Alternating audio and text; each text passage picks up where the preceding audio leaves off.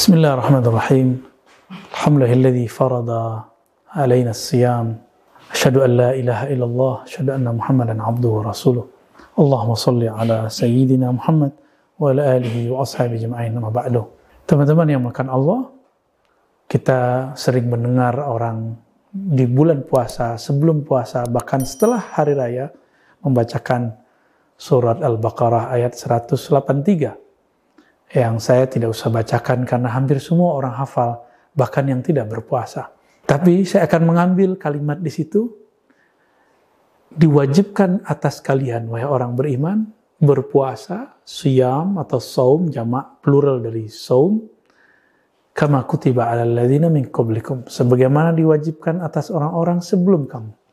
Siapakah orang-orang sebelum kamu itu? Nabi Muhammad, orang-orang sebelum beliau, adalah Sayyidina Ismail, Sayyidina Ishaq.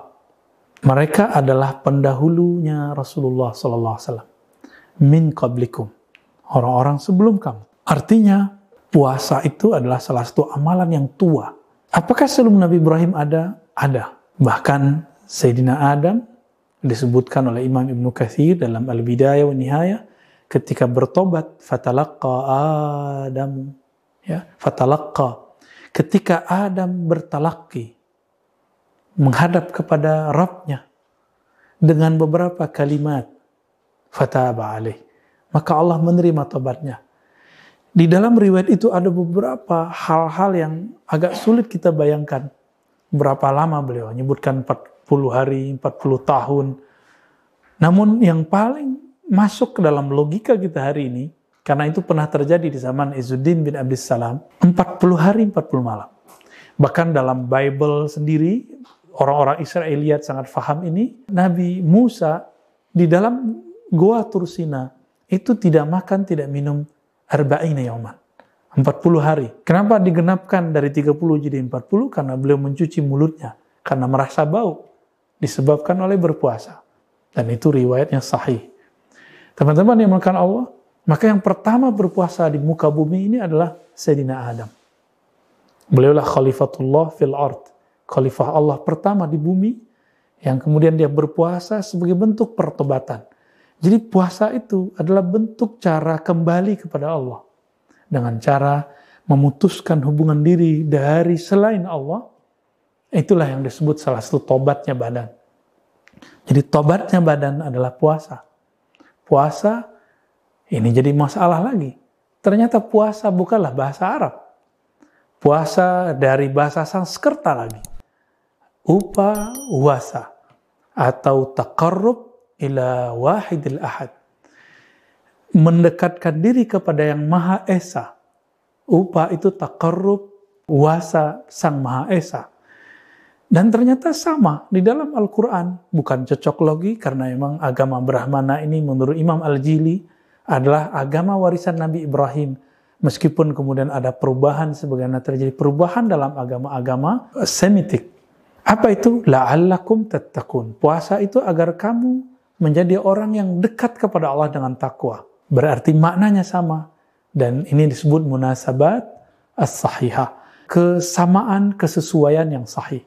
Ternyata mereka juga punya puasa. Orang-orang zaman dahulu ada puasa. Dan itu berlanjut sampai hari ini di kalangan ahli kitab sampai hari ini ada puasa. Di kalangan orang-orang agama Brahmana sampai hari ini ada juga puasa. Teman-teman yang melakukan Allah, lalu apa yang jarang dieksplorasi oleh orang ketika membahas, menakar, menyentuh bagian terdalam dari puasa? Ternyata hadis yang masyhur tapi jarang kemudian dibaca yaitu asyamuli. Hadis qudsi Allah berfirman asyamuli. Saum itu dalam bahasa Ibrani disebut zom atau ta'anit, menahan. Menahan diri dari makan, minum, dan berjima itu adalah untukku. Tapi ternyata maknanya lebih luas. Menahan dirimu daripada selainku, itulah yang disebut li. Itulah li bagiku. Inilah yang dikatakan oleh Imam Ibn Arabi. Orang yang berpuasa, sebenarnya dia telah wusul kepada Allah karena Allah langsung mengatakan li. Dia milikku. Maka sang saim, orang yang puasa itu, dia langsung dalam genggaman Allah subhanahu wa taala. Tinggal kesadaran dia kepada Allah. Di mana bentuk kesadaran itu muncul? Ketika di lafaz hadis di pertengahan hadis, Nabi kemudian mengatakan, "Idza sabahu ahadun aw syatamahu." Jika ada seseorang mencaci makinya atau mengata-ngatainya, "Falyakul inni sha'ib." Katakanlah aku puasa. Maka saat itulah puasa naik dari puasa fisik menjadi puasa non fisik, puasa emosi.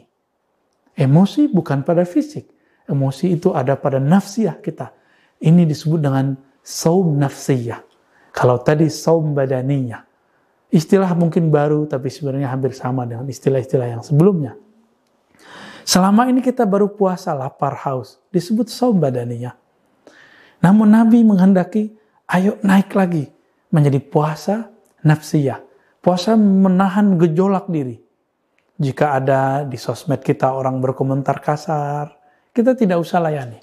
Bahkan kalau perlu kita tinggalkan. Jika terganggu, blokir saja. Supaya tidak mengganggu layar-layar indah yang kita lihat setiap hari itu. Teman-teman yang melakukan Allah.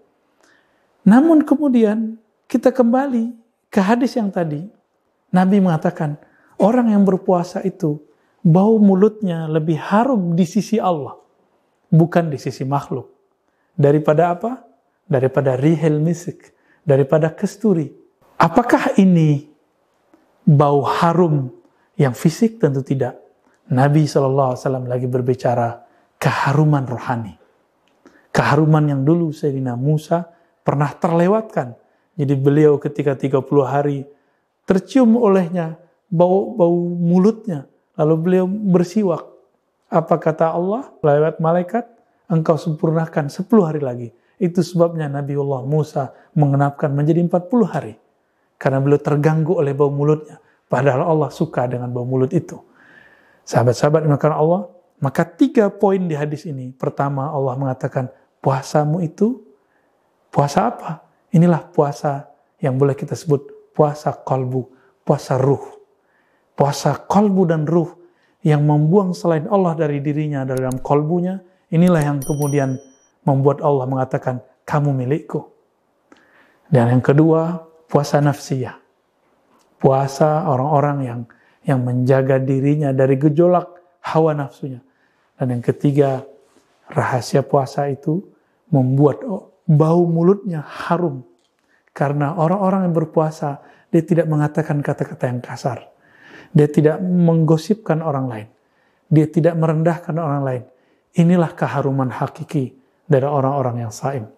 Mari capai puasa seperti ini, puasa yang Allah mau, puasa yang Nabi terapkan Nabi khulukul Quran. Itulah hakikat puasa Nabi Wasallam. Semoga kita sampai kepada tarafan. Sallallahu Alaihi Muhammad. Assalamualaikum warahmatullahi wabarakatuh.